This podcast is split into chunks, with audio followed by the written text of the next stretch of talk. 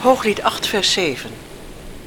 Vele wateren kunnen de liefde niet blussen en de rivieren spoelen haar niet weg. U luistert naar Verbonden voor het Leven Radio. Een eenvoudige bijbelstudie over het huwelijk, zoals God het bedoeld heeft. Samenstelling en presentatie Willem en Helen Lingeman.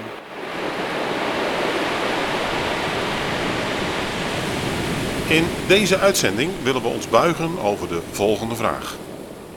In Nederland kennen we het burgerlijk huwelijk. We moeten de overheid toch gehoorzamen? Geldt dat dan niet voor de huwelijkssluiting? Ja, het klopt dat we onze overheid moeten gehoorzamen. We lezen dat in Romeinen 13. Paulus roept ons in de eerste Timotheusbrief zelfs op om voor koningen en hooggeplaatsten te bidden. 1 Timotheus 2, vers 1, 2, 3 en 4. Ik vermaan dan allereerst dat smekingen, gebeden, voorbiddingen en dankzeggingen gedaan worden voor alle mensen, voor koningen en alle hooggeplaatsten, opdat wij een rustig en stil leven leiden in alle godsvrucht en eerbaarheid. Dit is goed en aangenaam voor God, onze heiland, die wil dat alle mensen behouden worden en tot kennis van de waarheid komen. Ook de woorden van Petrus moeten we ter harte nemen. Hij schrijft in 1 Petrus 2, vers 13 en 14 en 17 en 18. Wees aan elke menselijke instelling onderdanig, om zeren wil. Het zij aan een koning als hoogste, het zij aan stadhouders als door hem gezonden, tot bestraffing van boosdoeners, maar tot lof van hen die goed doen. Eert allen, hebt de broederschap lief, vreest God, eert de koning. Huisknechten, wees aan uw meesters in alle ontzag onderdanig, niet alleen aan de goede en inschikkelijke, maar ook aan de verkeerde. Allereerst moeten we vaststellen dat het sluiten van een huwelijk vooral cultuur en religie gebonden is. Elke cultuur en elke religie kent eigen regels en voorschriften om tot een rechtsgeldig huwelijk te komen, zoals men dat noemt. Voor christenen moet het een volkomen vanzelfsprekende zaak zijn dat de regels die God opstelde leidend zijn in beslissingen die zij op deze aarde nemen. Toch nog even terug naar Genesis 2, vers 24. Daarom zal een man zijn vader en zijn moeder verlaten en zijn vrouw aanhangen, en zij zullen tot één vlees zijn. Verlaten, aanhangen en tot één vlees zijn. Dan ben je volgens de Bijbelse principes een paar. Dan ben je aan elkaar verbonden. Heb je een verbond gesloten. Aardse bepalingen worden in heel de Bijbel buiten beschouwing gelaten. De tekst uit Genesis was en is voldoende. Nadat de Nederlandse overheid op voorschrift van Napoleon Bonaparte het juridisch vastleggen van huwelijken in handen kreeg, vond een huwelijkssluiting voor de eerste keer plaats op 3 maart 1811.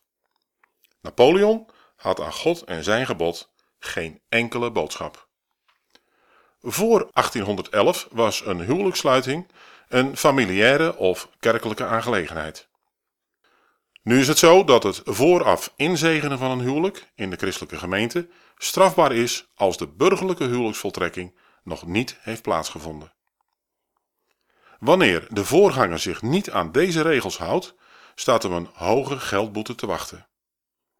Het argument dat we de overheid moeten gehoorzamen en ons huwelijk in het gemeentehuis moeten laten vastleggen, gaat niet op. De overheid verplicht ons immers niet om onze relaties vast te laten leggen. Gelovigen moeten zich voortdurend realiseren dat zij op aarde in de vreemdelingschap, in ballingschap leven. Zij behoren immers toe aan een ander koninkrijk. Petrus schrijft erover in 1 Petrus 2, vers 11. Geliefden, ik vermaan u dat u zich als bijwoners en vreemdelingen onthoudt van de vleeselijke begeerten die strijd voeren tegen uw ziel. En ook de woorden van de apostel Johannes zijn duidelijk. Johannes 15, vers 19. Als u van de wereld was, zou de wereld het hare lief hebben. Maar omdat u niet van de wereld bent, maar ik u uit de wereld heb uitverkoren, daarom haat de wereld u. God is getuige wanneer man en vrouw een verbond sluiten. Malachi 2, vers 14. Daarom dat de Heere een getuige geweest is tussen u en tussen de huisvrouw van uw jeugd. daar zij toch uw gezellin en de huisvrouw uws verbonds is. In de volgende uitzending willen we nadenken over de opmerking van iemand die zei dat het beter is om na een scheiding te hertrouwen dan te branden van begeerte. Spreuken 3 vers 3 Dat liefde en trouw u niet verlaten. Bind ze om uw hals, schrijf ze op de tafel van uw hart. U heeft geluisterd naar Verbonden voor het Leven Radio. Samenstelling en presentatie Willem en Helen Lingeman. Heeft u vragen naar aanleiding van deze uitzending? Dan kunt u contact opnemen via het reactieformulier op onze website www.verbondenvoorhetleven.nl of www.unitedforlife.eu. Zo de Heere wil graag tot de volgende keer.